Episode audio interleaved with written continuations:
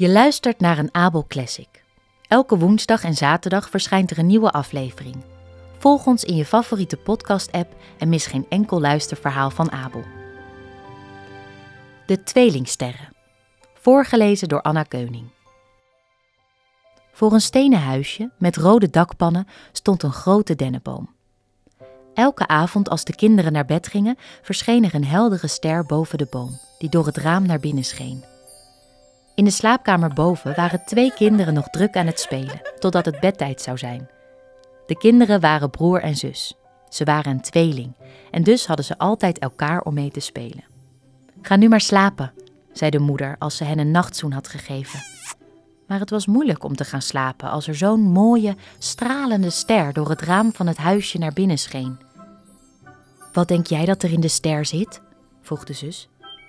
Oeh, ik, ik denk dat er madeliefjes en honing en viooltjes en, en vlinders en blauwe vogeltjes in zitten, antwoordde de broer. En ik denk dat er rozen zijn en roodborstjes en bessen en kolibries, zei de zus. Er moeten ook bomen en gras zijn. Ik weet zeker dat er parels en diamanten zijn, zei de zus. Ik kan de ster nu bijna zien, zei de broer. Ik wou dat we alle sterren echt konden zien, van dichtbij. Laten we morgen gaan zoeken. Toen het ochtend werd, was de ster weg. Maar ze zeiden, hij stond net achter de dennenboom, dus hij moet op de hoge blauwe berg te vinden zijn. De blauwe berg was ver weg, maar hij leek dichtbij en de tweeling dacht dat ze er in een uur naartoe konden lopen. De hele dag liepen ze. Ze liepen door de verlaten bossen, staken beekjes over en beklommen de blauwe en groene heuvels. Nog steeds konden ze de stralende ster niet vinden. Dit was normaal gesproken hun bedtijdmoment. Hun moeder stopte hun in en gaf hun een nachtzoen.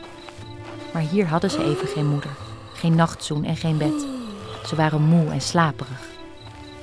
Ze hoorden vreemde geluiden in het bos en werden een beetje bang. Ik ben zo moe, fluisterde het zusje. Ik ben bang voor beren. Ik wou dat we de ster konden zien die ons licht zou geven.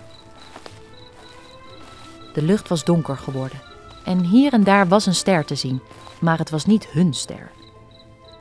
We gaan op het gras liggen, zei de broer, en bedekken ons met bladeren en takken en gaan dan slapen. Toen hoorden ze gegrom. Ze sprongen op en renden zo hard ze konden het bos uit. En net voordat ze de heuvel bereikten, zagen ze recht voor zich een prachtig meertje. Ze waren niet meer bang, want in het water schitterde iets.